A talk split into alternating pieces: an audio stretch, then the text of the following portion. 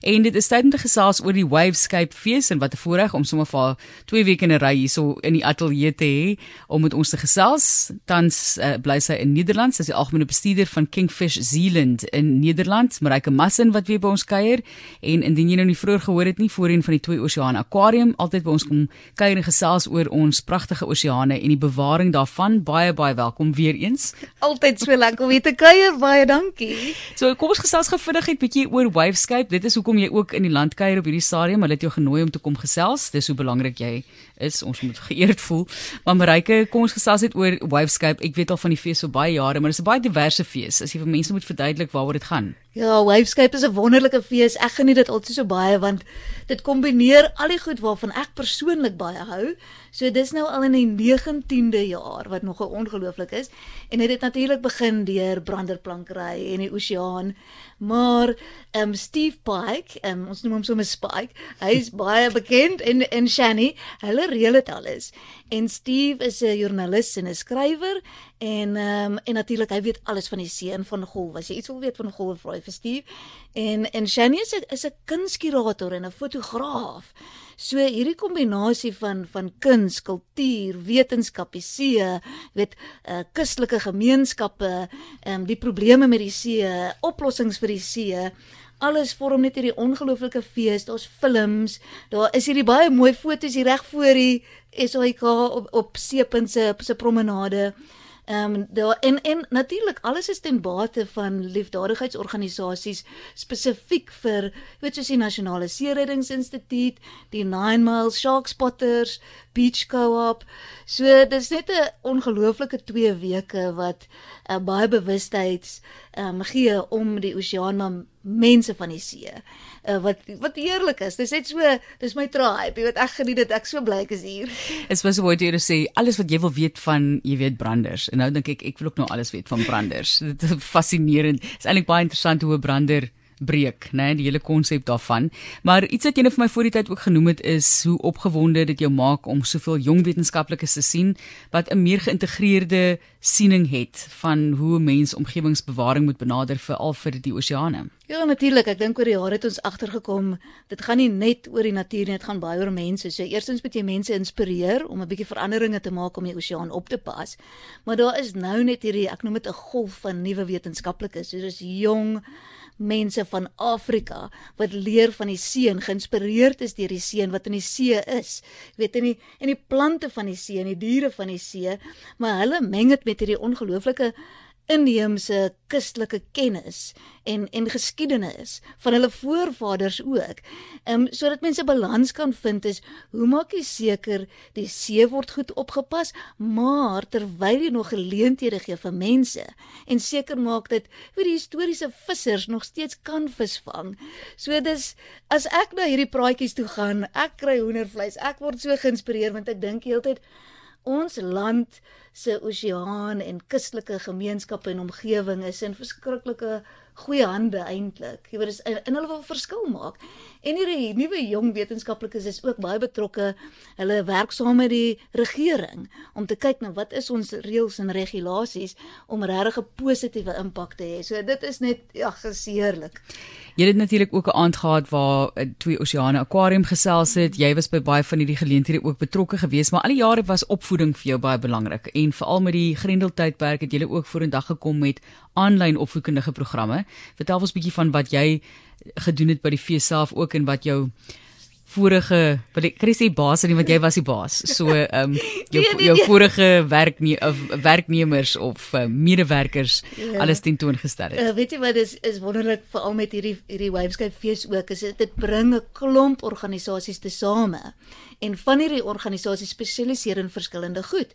So as ons praat spesifiek op opvoedkunde, is dit so lekker want toe ek nou nog by die twee by die aquarium was in die, in die in die foundation, het ons gewerk saam met die Sentinel Ocean Alliance en dit is begin deur 'n groot golfbranderplankryer Frank Solomon in Houtbaai en hy wou die kindertjies van Houtbaai inspirerend vir hulle kry uit hulle moeilike omstandighede en vir hulle wys daar's geleenthede in die see, daar's 'n passie vir die see, daar's ietsie lekkers wat hulle in die middag kan doen. So hy het toe begin met die hulp van Paley wat 'n groot internasionale organisasie is wat weet veral fokus op um plastiekbesoedeling en hulle het die Pale Ocean School begin in Houtbaai. En een van my vorige studente, Kolofello, sy is nou die opvoedkundige daar. So hulle het elke middag kindertjies wat hulle leer van die see, maar dis nie so so om skool toe te gaan en jy moet agter jou lesenaar sit nie. Dit is absoluut speel op die strand, leer van meer goed. Hulle leer die kinders om te swem en hulle leer hulle regtig die oseaan gee vir jou geleenthede. So as jy nou goed doen op skool, kan jy regtig eendag 'n loopbaan maak uit die oseaan uit. So so dis net 'n ongelooflike program spesifiek op op opvoedkunde. En dan Shark Spotters wat almal ken in Meisenberg, weet hulle doen ook baie meer in die opvoedkunde gebied nou wat wonderlik is om te sien.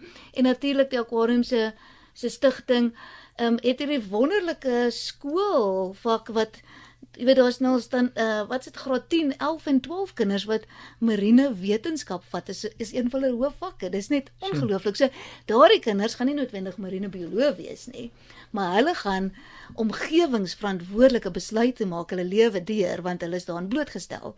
So dis baie opwindend wat hier in in Suid-Afrika gebeur op daardie oseaan en omgewings hmm. opvoedkunde vlak. 'n Ingeligte toekomstige werksmag en Presies. Uitvoerende hoofde en al die tipe van goed.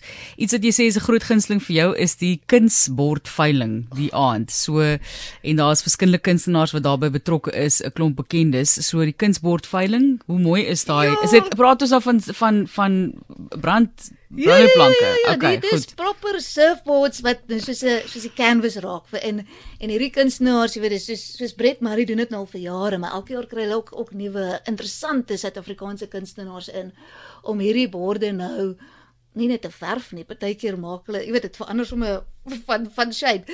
Maar dit is ongelooflik. So dit word uitgestel. Die uitstalling is reeds aan die gang en dis by die by die Jack Black se ek wonder heeltyd dis die tap house. Mense noem dit seker nie 'n kraankamer nie, nee. dis die bierhuis.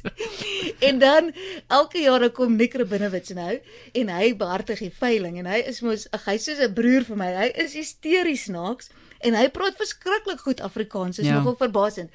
So hy doen die veiling en al die geld wat ingesamel word gaan nou na die organisasies soos die soos die nasionale see rescue en shark spotters toe. En hulle dis gewoonlik meer as 'n half miljoen rand wat hulle so insamel.